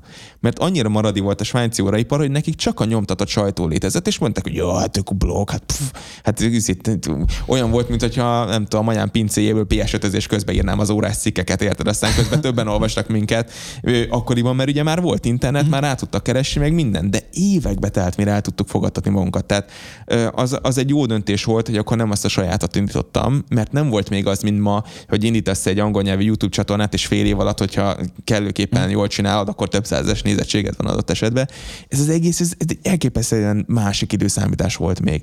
És akkor megint csak visszatérek a válaszsal, hogy akkor én a tudást kerestem, meg, a, meg azt, hogy egyszerűen minden izgalmas volt. Mm. Nem tudtam eldönteni, hogy mi a jó óra, meg mi a rossz, meg hogy milyen átverések vannak, amiket ugye az óra márkák csinálnak, meg ilyenek. Ma már két dolgot keresek, vagy izgalmat keresek és szórakozást egy órába, tehát akkor legyen nagyon kreatív, nagyon vidám, nagyon a határokat boncolgató és feszegető, vagy legyen örök és legyen az, hogy akkor ez az idők végezetéig jól fog kinézni, és nem lesz buta, és nem lesz túl nagy, és nem romlik el, és nem tudom mi. Ez, ez, a, ez a két véglet között így ingadozok most. A... Picit most belefeledkeztem abban, mm-hmm. amit mondtál az órás újságírásban ott van valamilyen küldetés tudatod? Tehát, hogy azon felül bemutattok termékeket, elmondjátok, hogy ez jó, ez így készül, van ennek valami olyan vonulata, ami túlmutat azon, hogy ti drága tárgyakról írtok, ami gazdag embereknek szól, uh-huh. hogy el tudják valamire kúrni a pénzüket, ami nem kokain. nekem, nekem ugyanaz a, a, a, a küldetésem az elejétől fogva, és az az, hogy jó, megfontolt vásárlói döntést tudjon hozni az, aki ezt olvassa. És amúgy, ha most azt nézed, hogy milyen órákról írunk, mm. most, hogyha az ablaktovacsot nézed, a 12 ezer cikket, akkor mi írunk a 100 dolláros vagy 99 dolláros zsísoktól a 17 millió dolláros Jacob Co. saját képekkel. Mindenről. És, és a kettő között is mindenről. És szerintem nagyon sokan vesznek úgy 500 dollárért, 1000 dollárért, 5000 ért, 10 ezerért, 100 ezerért pénzt, jó, 100 ezer az már sok, de mondjuk 10 ér is simán, tehát 3-4 millióért, hogy az egy életre szól, és egyébként meg egy életmunkája van benne. Tehát, hogy ő azt mondja, hogy ezt megspóroltam, összeraktam rá a pénzt, és most ezt, ennek méltó emléket szeretnék állítani. Akár annak, hogy nem tudom, betöltöttél valami életkort, vagy megkaptál egy előléptetés, vagy gyereket született, vagy bármi is tök mindegy, vagy csak azt érzed, hogy eleget gürcöltél azért, hogy most legyen egy szép tárgy, ami innentől kezdve az életed része, és emléket állít az idáig befektetett munkádnak. És a svájci óripar számtalan lehetőséget állít eléd ahhoz, hogy egy méltatlan emléket állíts ennek. Egy viszonylag gagyi szerkezettel, a stratoszférába túlárazva, iszonyatos értékvesztéssel és rossz időtállósággal mondjuk a design szempontjából. És ezt elmagyarázni, ez hogy magyarázod el? Tudod, amikor van 800 szavad, vagy 1000 szavad? Hát nem tudom, most 700 cikknél járok az Öblok Watch-on, írtam még legalább ennyit egyébként magyarul, meg angolul máshova, tehát ilyen 1500-2000 cikket mhm. biztos, hogy írtam már, de szerintem még többet is. És nem lehet ezt egyben így tudod átadni, hogy akkor ez jó, az nem jó, mert ugye annyira sokfélék vagyunk, annyira más dolgot keresünk egy órába. Van olyan, aki úgy elfingat 50 ezer dollárt érted egy adott órára, hogy az se érdekli, hogyha két év múlva ezret se ér, mert soha nem fogja eladni, mert már csak nyűg még eladni is. A ember, aki egy fiókba és el van felejtve. Elég sok ilyen embert ismer, ismertem meg így az évek alatt, meg elég sok ilyen órával találkoztam meg története. De van olyan, aki meg azt mondja, hogy jó, hát már három éve már akarok venni valamit 5000 euróért, másfél millióért, de ha még egy évet várok, még akkor is megéri, mert még mindig szívom magamba azt, ami alapján majd ezt a döntést meg fogom hozni. És nekünk az a célunk, hogy olyan tartalmat gyártsunk, ami megbízható, és amire azt fogja tudni mondani, hogy na ez alapján eldöntöm, hogy akkor ez a márka, és az, ezen a márkán belül ez a kollekció, és ezen a kollekción belül pedig ez a típus. Te ugye Budapesten laksz, a munkahelyed Los Angelesben van, amivel meg a legtöbbet foglalkozol, az Zürichben. Vagy hát Genf, Svájcban, Svájc, igen. igen. Milyen dolog Budapestről Los Angelesbe dolgozni, 9 óra vagy nem tudom mennyi eltéréssel? Hát néhány késő esti hívást leszámítva amúgy nagyon könnyű. Tehát az az érdekes, hogy ez a cég ez egy, ez egy nagyon erősen önszerveződő valami. Tehát nekem 11 éve nem volt meghatározott munkaidőm soha. Soha. Tehát, hogy néha egy-egy hívásra, egy héten mondjuk két-három hívásra ott kell, hogy legyek, vagy mondanám, hogy négy, de négy hívásom sincs egy héten. És amúgy meg csak legyenek kész a dolgok, meg menjünk előre, tudod, de nyilván a rendezvényeken ott kell lenni, meg ilyesmi, de ö, nagyon fura ez, tudod, hogy, hogy Los Angelesben sincs iroda. Tehát ott is mindenki otthonról dolgozik. Amiket ezzel elég nagyot lehet spórolni Los Angelesben. Hát az biztos, Van. meg ugye akkor az a város, hogy mire összecsüdítesz mindenkit, már amúgy mindenki már sokkal elő, előrébb lenne az életével, meg a munkájával. Tehát meg, de valamiért ott tényleg egybe van ott a csapat, én itt vagyok, Skóciában van egy podcast szerkesztőnk, aki az Oblog to Watch Weekly podcastot, meg a Superlatívot szerkeszti, és kész, amúgy én vagyok egyedül Európában. Ami azért elég érdekes, tudod, hogy... Hát igen, te vagy legközelebb igen. Svájchoz is eleve. Igen, igen, de múlt héten Drezzába voltam. Tehát, hogy, mert ugye ott is a Glassütte ott van hmm. mellette, az meg a német óraiparnak a, a, az abszolút bölcsője egyébként. Szóval, hogy így jövök, megyek, de jó, én, én szeretem ezt nagyon, mert nem, nem kell, hogy senki engem mikromenedzseljen, én is utálok mikromenedzselni, engem sem kell, tehát hogy innentől kezdve ez így, ez így egy, egy, egy békés kis harmonikus dolog. Akkor annyit várnak, hogy a, mit elvállaltál határidőre, az legyen meg és suty? Igen, ja, ennyi. És ott kelet-európaiként vagy kezelve, mint egy vendégmunkás, hiszen uh-huh. tudják, hogy te a világ másik végéről vagy, vagy az amerikai kollégáit téged amerikaiként értelmeznek? Uh-huh. Hát én eleinte azért az első években nem tudok, én nem kerestem annyit, mint amennyit egy, egy, egy amerikai keresne az adott, az adott munkáért. Tehát, de én azt mondtam, hogy ebbe éveket bele kell tenni, hogy az embernek neve legyen, meg hogy, meg hogy elhiggyék, hogy jól csinálod, meg ilyenek, tudod, mert most be lehet odaállítani, be lehet rúgni az ajtót, uh-huh. és azt lehet mondani, hogy hát miért kaphatnék. Hogy én meg úgy jöttem vele, hogy ebben nagyon sok évet fektettem, ebben a minőségi munkában, meg ebben uh-huh. iszonyatos mennyiségű energia energia, meg, meg jó, nyilván mondjuk ez érdekes, amikor azt mondom, tudod, hogy nem volt munkaidőm, meg ilyenek, amikor mondjuk az első hat évben én nem voltam az első szerintem, hát nem is biztos, hogy öt, de az el, nem is biztos, hogy hat, de az első öt évben nekem nem volt gyakorlatilag, most megmerem mondani, mondjuk kettőnél több egybefüggő hétvégén, szombat vasárnap. Tehát én hétfőtől vasárnapig úgy dolgoztam heti 6-7 napokat, napi 12-14 órát, amit toltam ebbe, hogy egy sokkal kisebb csapat volt, de iszonyatos mennyiségű tartalmat gyártottunk, tudod, és nem volt annyira kifolt, nem volt egy külön hírszerkesztő, egy külön, aki a szponzorát tartalmat csinálja, egy külön, aki a, aki a, a mondjuk a scheduling, aki a, a, a cikkek megjelenését vagy nem, ez mind én rajtam, meg a főnökömön volt, és akkor volt egy-két ilyen random cikkíró, aki néha bedolgozott, írt valamit, akkor azt ki kellett javítani, akkor annak szólni kellett, akkor, és, és közben gyártatod a sajátot. Én iszonyatos mennyiségű időt tettem ebbe bele, akkori mércével is nem túl jó pénzért. Tehát, hogy ott éreztem, hogy van ez a diszonancia, de majd ez meg fog térülni, és most már én nem kelet-európaiként dolgozom ott, hanem én ott a második számú ember vagyok, aki egyébként a, az alapító után én vagyok itt a legrégebb óta ezt az órás újságírást, mint karrierívet, ezt mm. te ajánlanád bárkinek is? Én ezt mindenkinek ajánlom. Vágjatok bele, küldjetek cikket Erielnek, és akkor vagy nekem, majd meglátjuk. Vagy akármi. Igen, simán. Csak Persze ezt is lehet, mindent lehet félseget csinálni, de azért itt, hogyha megnézitek, hogy hány szereplő van a piacon, azért van jó néhány ilyen média szereplő, jó néhányan vannak YouTube-on, még sokkal többen vannak Instagramon, ilyen végtelenül felületes tartalommal, de tartalommal, ami ugyanúgy időt veszel, meg figyelmet veszel a közönségtől. Tehát, hogyha, tehát én, én mindig azt mondtam, hogy valamit vagy jól kell csinálni, vagy sehogy. Nincs, nincs értelme a kettő között csinálni semmi. És ha szeretnétek jól csinálni, és tényleg értetek hozzá, én látok nagyon sok olyat egyébként, akik, akik jelentkeznek, azért mi sok jelentkezést kapunk itt cikkektől, meg szerzőktől, meg ilyesmi, hogy akkor lehet el, vagy nem lehet, és ha nem lehet, akkor nem rosszból mondjuk, de hogy ez még korai, tudod. Tehát, hogy szívni kell az embernek magába azért szerintem egy-két évet ez, mert az, hogy szereted az órákat, az tök szuper, meg hogyha van, az még szuperebb, vagy nem még szuperebb, de az is tök jó. Szeresd, de ahhoz, hogy, hogy egy ilyen helyre bekerülj, azért ebbe, ebbe tenni kell időt meg energiát előtte, hogy azért egy szint meglegyen. Ez nekem soha nem volt egyértelmű, hogy te elsősorban, mint újságíró, vagy mint fotós uh, hivatkozod magad. Mert hogy neked a, a fotós teljesítmény az, ami, ami azért eléggé kilóg az órás újságírásból, és fölfele ráadásul, mm. tehát hogy te talán díjakat is kaptál ez ügyben.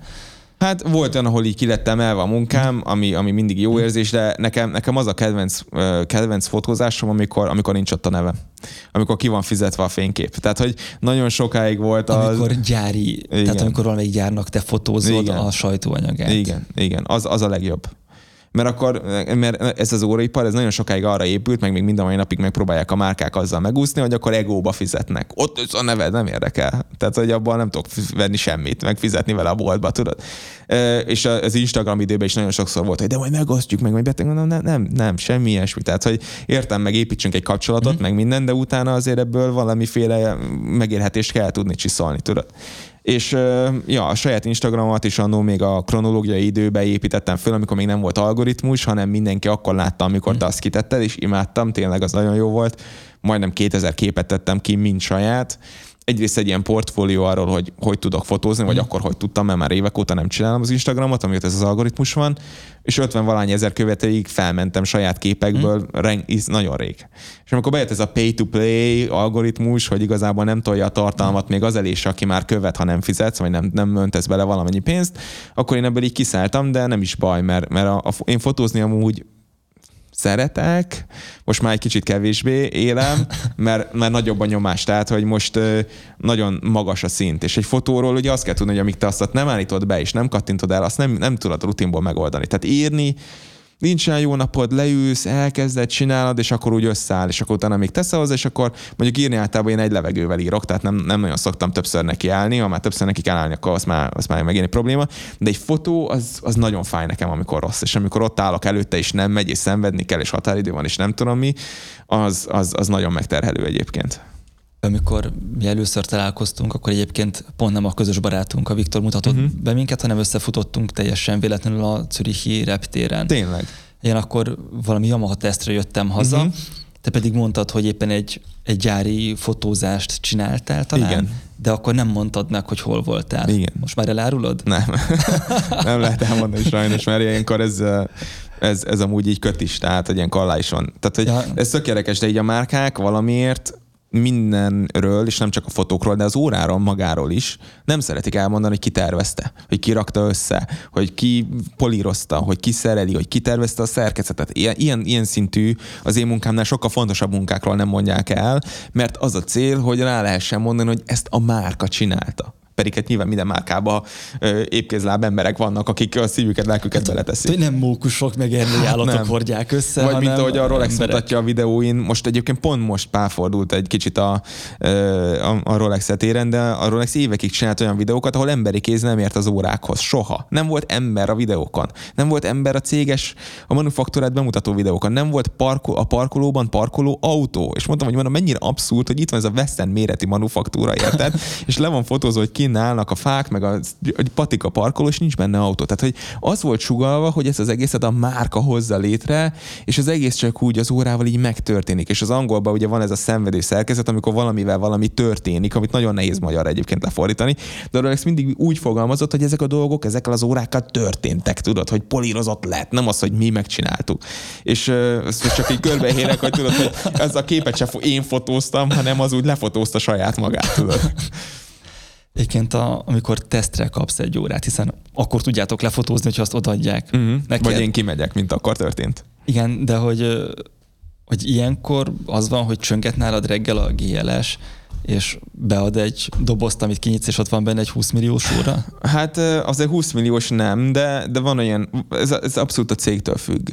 Um, a, nekem a kedvenc példám az a Richard Mill volt, nem volt már kettő itt és azok ilyen, hát ilyen 50-80-100 milliós órák. Hát a Richard Milt azt, hogyha valaki kevésbé az Igen. órák felől jön, az ugye egy nagyon fiatal márka. 2000, 2000-es évek elején alapították, igen. És ráadásul nagyon máshogy csinál mindent, és rendkívül mm-hmm. drága, talán. Hát a, a legolcsóbb is azért 50-60 millió most már. De az átlagár az bőven 100 millió fölött van. És hogyha valakit egyébként jobban érdekel, akkor pont a főnököd írt egy nagyon jó mm. cikket arról, hogy hogy ére ennyit egy műanyag tokos igen. óra, és ő azt hozta ki, hogy igen. Igen, mert a piac beárazza ide, és meg lehet úszni, és le lehet gyártani egy évben 4-5 ezer órát. Gondoljatok bele, hogy mondjuk az 5000 szer valamit, ami mondjuk 80-100 millió forintba kerül. Ő pont azt mondta az Ariel, hogy, vagy ott azt írta, mert én írásban, mm-hmm. vagy azt tudtam, hogy hogy, hogy azt azért lehet ennyire eladni, mert más azt a minőséget nem csinálja meg semennyiért. Mm. Hmm. Jó, oké, lehet, hogy van, van, van, van lehet, hogy van még egy gyártó, aki mm-hmm. tud olyat, de aznek tök más stílusban utazik. Igen, nem, nem, hát van benne, van ebbe valami, igen. A, a Richard nagyon sokszor csinált nagyon kiemelkedő dolgokat, mm. technikai megoldásokat, meg ilyenek, és ott például úgy volt, hogy volt egy rendezvényük Versailles-ban, ahol izé kimentem, és akkor mondtam, hogy hát, adjatok már egyet, mondom, annyira jó lenne már tesztelni valamit, és akkor jó, jó, majd megnézzük. És akkor végül is adtak egy RM11-est, ami az ikonikus Richard Mill, a, ez, a, ez a hordó, tokos, kronográf, éves naptár, a legtöbb egyébként más szerintem azt se tudja, hogy mi az az éves naptár, és azt végképp nem tudja, hogy az órájában benne van, de amúgy benne van az RM11-be. És ide adták, és mondták, hogy én onnan egyenesen egyébként Hongkongba mentem, a Hongkong, bocsánat, Clockfairre. Tehát felültem onnan egy gépre, átszálltam valamire, és kim voltam Hongkongba. És onnan meg hazajöttem és itthon is ugye nyilván nálam volt, és mondták, hogy akkor van biztosítva az óra, ha a kezemen van. Tehát azt nem fogja elfogadni se a cég, se a biztosító, hogy kilopták a hotel széfből, a hátizsákból, az akár onnan, hogyha hiányzik a bal kezem, akkor elhiszik, hogy, azért, hogy valami, hogy nincs meg. De hogy azt mindig hordani kell, mondtam, hogy ok. És, Csak abba zuhanyoztál minden. Nem, amúgy azért nyilván nem, de mert úgy voltam vele, hogy jó, hát hagyjuk, hagyjuk már egymást, tudod, de, de olyan nem volt, hogy mondjuk ott voltam a szállodában, és akkor ott hagytam volna. Mm. Tehát, hogy ez, ez iszonyatos felelősség. És itthon simán BKV-ztam abban az órában, most ez 2017, vagy nem tudom de így kapaszkodsz, így fogod a 60 milliós órába, érted a kapaszkodód, ami nem a tiéd, azt se tudják, hogy mi az. Tehát, hogy akkor még nem volt, nem ment annyira az óra az Instagramon, meg az ilyenek, hogy egy évi 4000 darab számban legyártott, és amúgy nem is ez a, ebből a modellben, meg csak pár száz, érted? Kit érdekel? És amúgy tényleg olyan, mint egy ilyen rágógumi adagolós óra, tudod, amit a tévében reklámoztak, hogy kinyitod, és akkor benne van a feltekert rágó, viszonyat jó volt.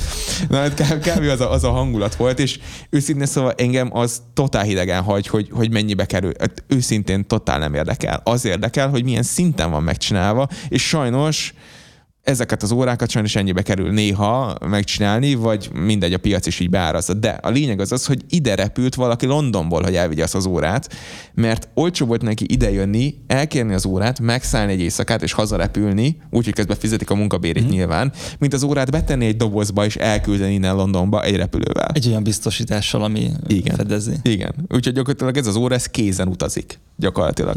És utána láttam ezt az órát, utána ez a, ilyen repi óra lett a McLarennél, a pilótákon volt. Tehát, hogyha valaki érdekel, az az RM1103 NTPT, Black Knight, vagy valami ilyesmi volt a neve, és hát ez, ez úgy körbe járt, tudod, ez az óra. Hogy konkrétan az, amivel te utazgattál, azt utána látod, ezt amikor... láttam ott, igen. De most volt pont De két... fölismered konkrétan azt a darabot? Hát most nem pont azt ha? a darabot, de ez ebből annyira kevés van, hogy ez nem olyan, Aha. hogy akkor kiúzzák a fiúkat, és van még egy. Tehát, hogy ami van, az el van adva. Tehát, hmm. hogy mondjuk max. kettő utazik így körbe, vagy van így valami helye, tudod. Hmm. És miután én visszatam, nem is volt sehol teszt róla. Tehát, hogy nem az volt, hogy akkor még a médiába adogatták, vagy ilyenek.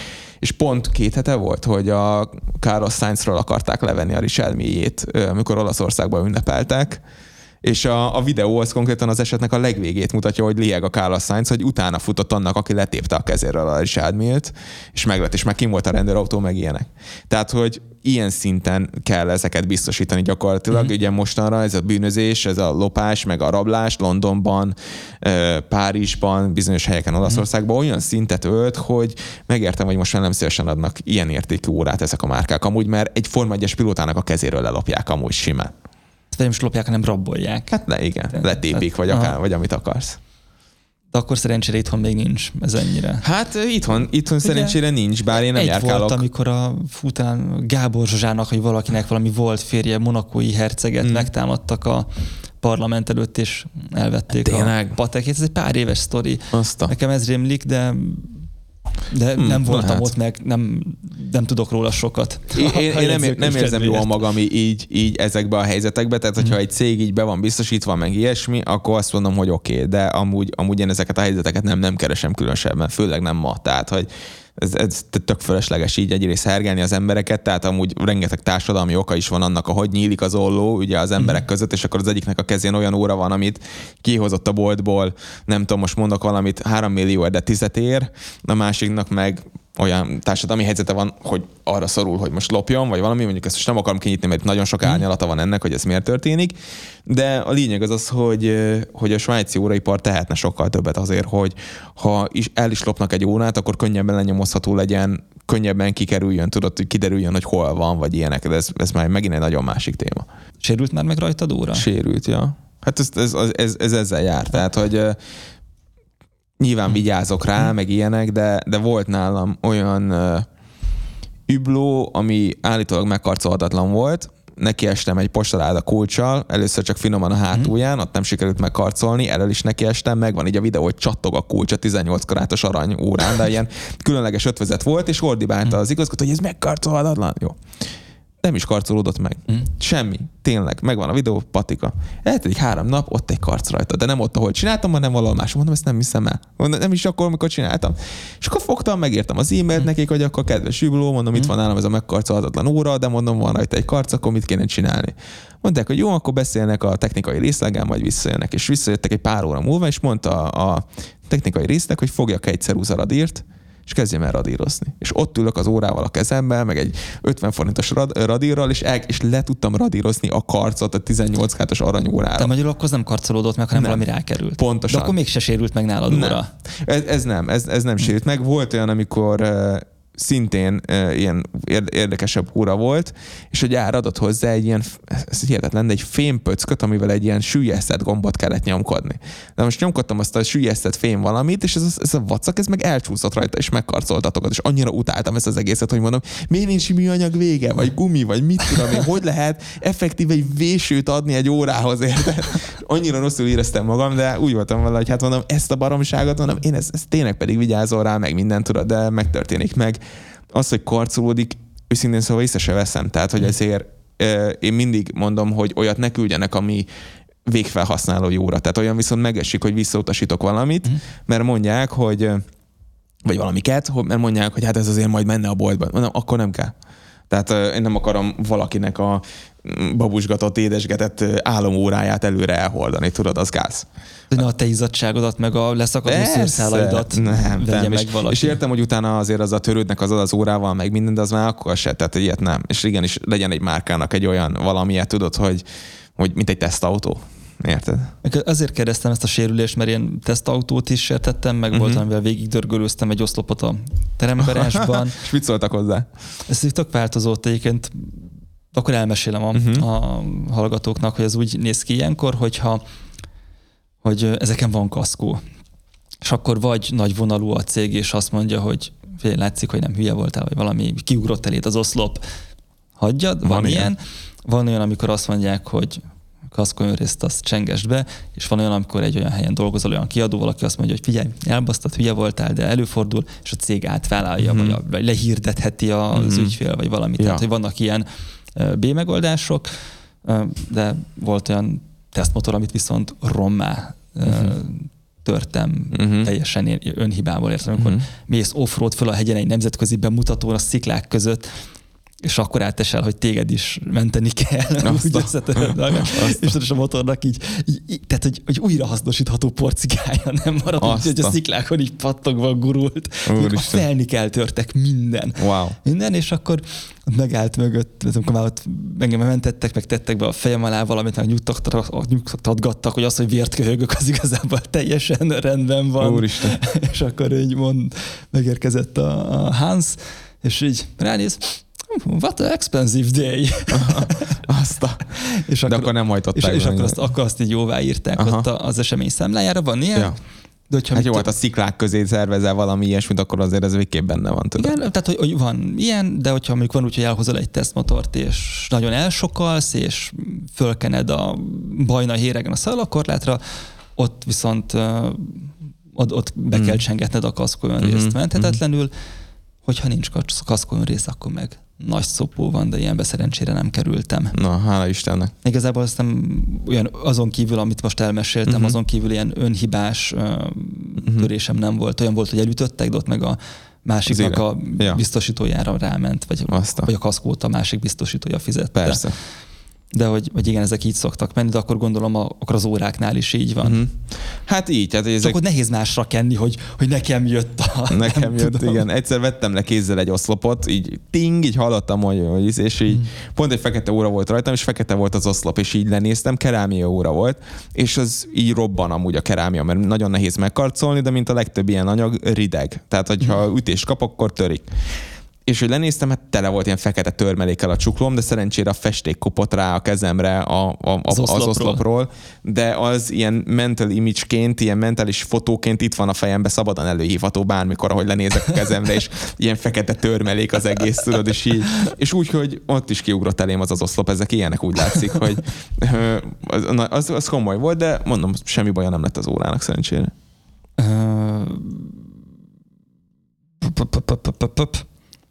Ugorjunk egyet viszont most közben, uh-huh. vissza az autókhoz. Uh-huh. Arról beszéltünk, hogy a saját autóidról nem szeretnél beszélni, mert az, az neked szól, és, uh-huh. és az, az a te pici világod. Viszont mi volt az első autód? Hát az első autóm az még családi volt, tehát az édesanyámmal uh-huh. közös 96-os Opel Corza volt, egy-kettő, szervó nélkül szintén, üldöznek engem ezek a szervó nélküli autók. Ilyen hajókormányjal benne, tudod, és életem egyik nagy, nagy ébredése volt, amikor kinyitottam a forgalmat, és kiderült, hogy 42 lóerő az egész, ilyen 30 valány kilowatt volt, vagy valami, és így, mondom, akkor valószínűleg ezért van az, hogy csak akkor megy, tudod, ha nem ül benne senki, és én se reggeliztem, tehát, hogy így, akkor így egyes, kettes még lehet valamit kezdeni. És akkor utána mondtam, hogy jó, oké, akkor, akkor a kis kuporgatott pénzemből, akkor végül is vettünk egy 2006-os, talán 6-os, igen, szerintem 2006-os 1.3-as Swiftet, mert az 90 egy néhány lóerő, tudod, és mondom, az volt ennyi pénzért a legerősebb hot hatch, amit meg lehetett venni, tudod. És imádtam azt, még mindig megvan, amúgy édesanyám azzal járt továbbra is, és elpusztíthatatlan, fantasztikus vezetési élmény volt, és akkor abba tanultam hillentózni egyébként, de úgy, úgy hogy ilyen öklemnyi távolságon a fék meg a izé között, de nem oldalra, hanem fölfele, tudod, tehát, hogy ilyen így kell állítani. Akkor, mint a bohóc cipőjét el konkrét, kell kérni. Konkrétan.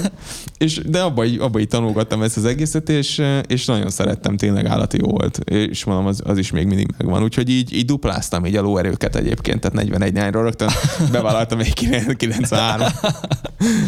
Meg azt, azt egyszer egy viszonylag kevés személyes beszélgetéseink során azt elmondtad, hogy, hogy te mielőtt a, az órázásba belugrottál volna, hm. volt, meg az autózásba, előtte volt még egy mániád, a biliárd. Uh-huh. És nekem ez máig annyira furcsa, hogy azt mondtad, hogy ott is, hogyan az autókban és az órákban is a uh-huh. technológia, meg a gyártás, uh-huh. meg az anyaghasználat, meg kvázi így a műszaki rész az, ami foglalkoztat, hogy ezt hogy lehet megcsinálni úgy, hogy jó is legyen. Igen. A biliárdban az mit tud adni neked a te agyadnak? Pont ugyanaz, mint, ahogy, mint amikor elkezdtük a, ezt a beszélgetést, hogy ott is van egy véges ö, térfogat, tér, amiben nagyot kell tudni alkotni. Az se lehet a három méter hosszú, érted, és farantnyi vastag. Igen, hanem, hanem az megvan, hogy annak kb. mekkorának kell lennie, és mondok valamit mondjuk 18 és 21 uncia között, mert azt még unciában mérték, vagy 17 és fél között, és akkor megvan annak, hogy annak milyen nyírása van, hogy a fával hogyan dolgozod, hogy hogy, hogy tárolod azt a fát. Mielőtt egyet nyírnál, vagy mondjuk a másodikat nyírnád benne, milyen páratartalmon, milyen hőmérsékleten, mennyi ideig, hogyan tárolod, hogyan ismered föl. És ott ugye az volt az érdekes, hogy amikor te meglököd a fehéret, akkor azért annak van egy érzése. És az a, az, a, az a visszajelzés, ami érkezik ebből a tárgyból, gyakorlatilag azzal kell tudni játszani, és ott ahogy elindul, mondjuk a végén van az a kis pici bőrdarab, amit te krétázol, Igen. egészen a másik végéig, ami meg adott esetben akár elefántcsont is, vagy valamilyen epoxi, vagy tök mindegy mi, bármi lehet. A kettő között valami olyasmi magic dolog történik, amitől az egyikkel jó érzés lesz játszani, a másikkal fantasztikus lesz, a harmadikkal meg borzalmas lesz. De még a hangja is tényleg, a, a, az egész, ahogy meg van csinálva, ezek olyan dolgok, amiket főleg amerikai mesteremberek csúcsra járattak. És nekem volt egy, nem tudom, 500 oldalas Blue Book, vagy valami ilyesmi of Cues könyvem, amiben az összes ilyen mester fel volt sorolva, és még a gimiben én azt szétesésig olvastam, és volt benne néhány színes fotó, és emlékszem, hogy így megszámolhatatlanul sok órán keresztül szugaráltam mondjuk két színes fényképet abból és úgy voltam, hogy ó, majd egyszer, majd egyszer, majd egyszer lesz. És akkor elkezdtem így adni, venni, csere, berélni, és akkor ott is mindig úgy, úgy, úgy sikerült úgy jól csinálni, tudod, meg segítettem embereknek megszerezni mm. ezt, azt így, így a milliárdos felszerelést, és akkor végül is annyi zseppénzem összejött, hogy, hogy meg tudtam venni a kedvenc mesterem tanítványának a hetedik ilyen alkotását egy csikágoi gyűjtőtől, és azért az meleg. Na az meleg, az órák az semmihez képest, amikor mondjuk mész a keleti mellé, érted a posta lerakatba, és akkor kapsz egy ilyen kartoncsövet, amiben ott van egy ilyen számodra felbecsülhetetlen alkotás, érted? Oké, okay, lonzsinárban van, de ahhoz képest, vagy egy kicsit annál azért több, de mondjuk kb. lonzsinárban van valami ilyesmi, és úgy, hogy vele, hogy úristen, ezt, ezt hogy csinálták, még mennyi ideig, még mit tudom én, és akkor írtam annak a mesternek, akkor beszéltem hmm. vele egy kicsit, meg nem tudom, és amikor nekem azt sikerült megszerezni, akkor én befejeztem. Tehát én azt éreztem, hogy akkor kész, és, és így, mintha elvágtak volna valamit, nekem a biliárdnak ott vége lett. És visz... Elillant a varázs nem befejeztem. Tehát, hogy, hogy ott vége volt. Tehát azt éreztem, hogy kész, ez ennyi volt. Úgy, hogy jó, oké, azért azt hozzá kell tenni, hogy nekem van egy nagyon-nagyon jó barátom Amerikában, még jóval a, a, ugye az ablaktovacs előtt ismertem meg, egy amcsi ilyen fórumon. És akkor ott beszélgettünk, tete, és ő a sem, de nyilván az autók meg az órák mellett, ami nekem az autó volt releváns, biliárd felszerelés gyűjtött a csávó, de ilyen nagyon sok 10 millió forint, vagy 100 millió forintnyi cucc volt nála gyakorlatilag így a legnagyobb mesterektől. És akkor én ráírtam a semmiből, hogy csá, mondom, itt vagyok, nem tudom, 20 évesen, és a kis spórolt pénzemből kimennék hozzád Los Angelesbe, a fórumon megismert vadidegenhez, akinek arca sincsen, meg rendes neve sincsen, tudod.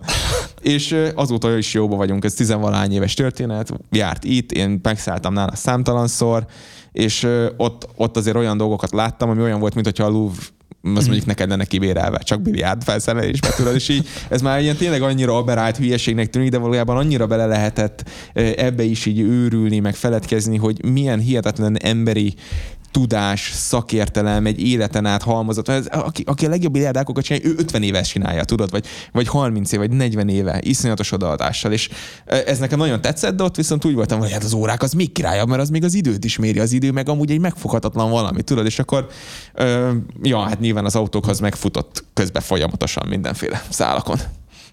Amikor a garázsod előtt dumáltunk, ott elejtetted azt a hm. mondatot, hogy, hogy ezért picit bánod, hogy nem autószerelő lettél. Igen. És hogy neked az, az mekkora kikapcsolódás, hogy, hogy te autót Igen. szerelhetsz.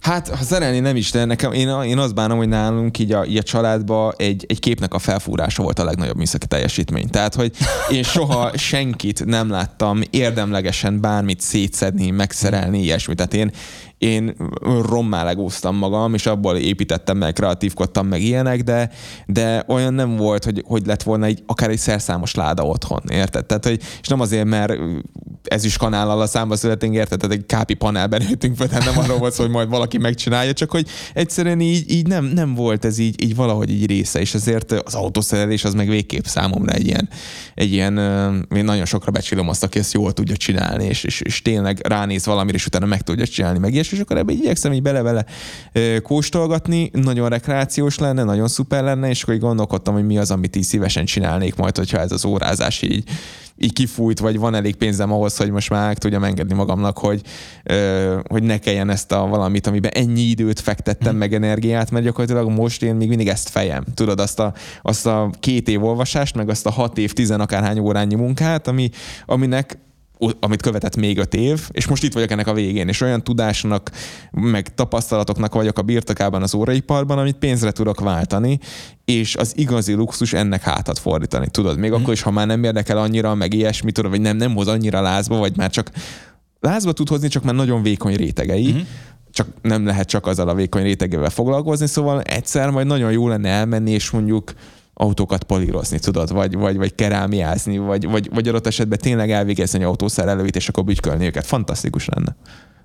Órát egyébként szoktál szerelni? Mert azért annak is van elég sok alkatrésze. Igen, de, de ott az más, mert ott, ott nem kell, nem tudsz, nem tudsz úgy ráfogni dolgokra, tudod, nincsen olyan fizikai kiterjedése, mm. tehát szok, szokni nem szoktam, de azért volt már rá példa, mm. meg most volt nálam egy ilyen óraszerelői kit, egy ilyen kis összeszerelői valami, nem is olyan kicsi, és akkor azzal el lehetett szórakozni, amikor a gyárlátogatásoknál volt ilyen, amikor azt mondják, hogy de akkor itt van szed szét, és akkor szétgyalázol egy szerkezetet, tudod, hogy felszántod a csavarhúzóval, meg ilyenek, de nyilván látod, hogy már előtted megcsinálta ezt valaki, tehát nem az, hogy a patika valamit odaadják, de, de hogy az óragyártás is olyan, hogy van ez a mítosz, hogy az emberek az so, hajlamosak sok esetben azt gondolni, hogy egy órát egy valaki szerel össze, de nem. Tehát, hogy nagyon más az, amikor valaki mondjuk a hajszárúót hajlítja valakinek, embernek az a munkája, hogy egy hajszárugót hajlítgat egész álló nap folyamatosan. Van olyan, aki a billegőnek a, a, a, a, a tökéletes egyensúlyát állítja be, érted? Utána lesz valaki, aki ezt a kettőt a összeszerel, és még mindig csak két alkatrészről beszéltünk, ami három különböző szakértelmet igényel. Tehát és az, van hogy- még további 200 alkatrész. Van még 200 másik alkatrész, meg van olyan, aki tokat palíroz, de mondjuk egy csavart nem tudna becsavarni soha, de úgy megpalíroz valamit, hogy elsírod magad, érted, mert már tizenvalány év tapasztalat van a kezébe. Tehát, hogy nincs olyan, hogy órás mester, olyan van, nyilván a, jó, a szervizben van ilyen, de a gyárakban a legtöbb esetben ö, szakterületek vannak, és ezek között néha rotálják az embereket, hogy ne örüljenek teljesen meg egy adott folyamatba. Tudod, és akkor megkérdezik, hogy figyelj, hajszárugót hajlítgatsz, de akarsz-e csavart kékíteni, és akkor azt mondja, hát tudod mit, akkor kipróbálom, és akkor megkékít három csavart, és akkor rájön, hogy óriási szívás, mert egy másodpercet van levenni a kékítőről a csavart, mielőtt sötét lila lesz, de még előtte meg még pont halványzöld, és akkor most mondtam, hogy és akkor azt mondja, "Eh, nem, nem, nem akarok csipesszel semmi ilyesmit csinálni. Szóval, hogy rotálják ezeket a dolgokat, de olyan, hogy órás mester, meg óra szerelés, annak annyira sok különböző ágazata van, hogy szerencsére én már nagyon sokat kipróbálhattam közüle, és mondjuk tokot nagyon szívesen políroznék, tehát az az egyik olyan dolog, amit imádnék csinálni szerintem, de mert ott megint mi van? Van fizikai kiterjedés, van érzés, hogy beletartod a polírkorongba, érzed, ahogy húzza a kezed, ahogy kopik az anyag, ahogy utána, amit leszettél, nem tudod visszarakni, tudod? Tehát, hogy nagyon sok ilyen érdekes Meg vetülete egyből van. van visszajelzés, hogy fény felé fordítod, és látod, hogy jó lett Ja, vagy elnyaltad, és akkor nincs már, na, a négy fülből, a negyedik már nincs már rajta az órán, tudod, gyakorlatilag kukka az egészet. Nagyon, nagyon jó vetületei vannak ennek is, de azért inkább, ha bütykölnék, akkor azért inkább autót bütykölnék, mint órát. Fény, neked az e-block to watch, ha nem hagytunk ki valamit így az élet rajzodból, akkor az első komoly munkahelyed, már lassan közelebb vagy a 40-hez, mint a 30-hoz, Igen. és igazából egy munkahelyed volt, hogyha Hát, a diák munkákat nem számoljuk. Igen, tehát azért volt a Mediamarkt, egy jó barátommal szintén 5 vagy 6 évet így DJ-szünk így az éjszakába, tehát mondjuk a PSF után elmentem a médiába, utána meg elmentem az éjszakába, tehát hogy, az, egy, az egy sűrű pár év volt, jó pár év volt, és miközben ezek között ingáztam, meg az órákról olvastam. Tehát, hogy így ott csúcsra volt ez az egész így pörgetve, most ebbe szó szerint belehalnék, szerintem egy ilyen át, egy, egy, egy hét alatt szerintem elpusztulnék egy olyan hétbe, de hála Isten most nem kell csinálni, de ja, igen, végül is mondhatjuk. Mondjuk hozzá kell tenni, hogy ö, a fősuli végén, még mielőtt a diploma meg lett volna, már egy fél év kellett hozzá, volt állásajánlatom egy, egy, egy nagyon komoly itthoni hazai cégtől egy komoly pozícióba, mm. akkor, amikor még az ingyenes gyakornokság egy létező intézmény volt. És a PSR-re járkáltak az emberek ingyen dolgozni cégekhez, és én mindig mondtam nekik, hogy ti hülyék vagytok, hát ezzel legitimizáljuk azt, hogy azért, hogy az önéletrajzatban benne legyen egy ilyen cég, te ingyen elmész oda dolgozni, mondom, ez mi? És na mindegy, az egy baromság volt, de a lényeg az az, hogy volt egy ilyen dolog, és két vagy három hónapja dolgoztam az Öblok Tovacsnál. Uh-huh. Még nem is full time, hanem csak ilyen, most nem hivat, nem full time, de hogy ilyen kis cikkeket írtam, uh-huh. és akkor azok után kaptam pénzt. És hogy és jött álltam, hogy mondom, itt van álmai melója, a nagyvállalati, nem tudom, miben kilépek a PSF-ből, és át egy ilyen munkahelyre 2012-be vagy 11-be, tudod, tehát még a válságnak azért ez egy iszonyatos luxus volt. És egy héten át gondolkodtam rajta, vagy másfél héten át, és még, még tényleg így már nyaggattak, hogy akkor most jössz, vagy nem jössz, vagy akkor most mi van. És a végén azt mondtam, hogy, hogy ö, ennyi egy esélyt megérdemelnek az órák, meg az, hogy van az embernek van egy szenvedélye, és ha benéztem, akkor utána elmegyek valahova dolgozni. De nem, nem akarom fordítva csinálni, és nem akarom félséggel se csinálni, hogy akkor, mert már emlékszem, hogy ott voltam ezen az állásinterjún, a második körbe, és mondtam, hogy mondom, van egy olyan dolog, hogy Bázelvörd, és ki szeretnék menni jövőre. és akkor mondták, hogy hát van kb. nem tudom, pár szabad napod, azt arra előheted, hogyha akarod, és akkor éreztem, hogy mondom, ez így, ez az egész így valahogy nem, nem az az irány, és mondom, akkor az óráknak kell adni egy esélyt. Bármilyen hókamikinek is tűnt akkor az, hogy Magyarországról egyesével írogatom a cikkeket az öbloktovacsra darabonként, nem tudom, pár dollár. És hogy képzeled el a, a mondjuk a 20 év múlvai dolgot, hogy te innen fogsz nyugdíjba menni? Ezen a piacon van átigazolás? Máslap, van az to watchnál olyan, ami följebb van, és azt mondod, hogy az előrelépés? Nincs, nincs. A, építhetsz arra, hogy az Ariel meghal és átveszed a helyét? Vagy Mm, tehát, hogy nincs ilyen a Nem, perspektíva? céghez tudsz bekerülni. Tehát, hogy órás cégek, azok mm. engem szoktak így, így hívni. Tehát ezért így fél évente kb. így kapok egy, mm. egy, egy ajánlatot. És akkor most pont egy pár hónappal ezelőtt jött az a megkeresés, hogy az egyik nagyon nagy cég megvette egy másik kicsi céget, amiről azt se tudod, hogy már, vagy a legtöbb ember, ember nem tudja, hogy vala létezett és menő volt, de amúgy nagyon menő, meg komoly történelme van, és komoly összegért megvették a jogokat ahhoz a névhez, de ez egy defunct márka, tehát vagy mm. most nincs, és ezt fogják három pár év múlva felé felépíteni. És akkor ennek a head of communication, tehát hogy most elkezdesz ott dolgozni azon, hogy két és fél év múlva, amikor ez beindul, vagy három év múlva, amikor ez beindul, zsírúj szerkezetekkel, új termékpalettával, te közben azon dolgozol, hogy ez az első nap nap, amikor ez megjelenik, már legenda legyen. Úgy, hogy közben nyilván iszonyat, és itt most 100 millió frankokról mm-hmm. beszélünk, tol bele ez a nagyobb cég ebbe.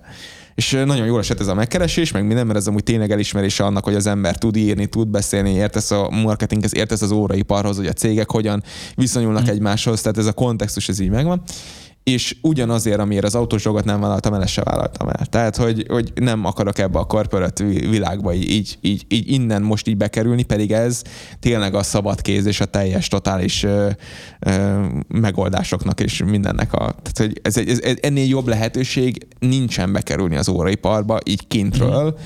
és azt gondolom, de, de mondom ugyanez, hogy, hogy nem, nem, tehát hogy itt is olyan emberi viszonylatok vannak, meg olyan igazgatók, meg olyan, ez egy nagyon hektikus iparág oda bentről.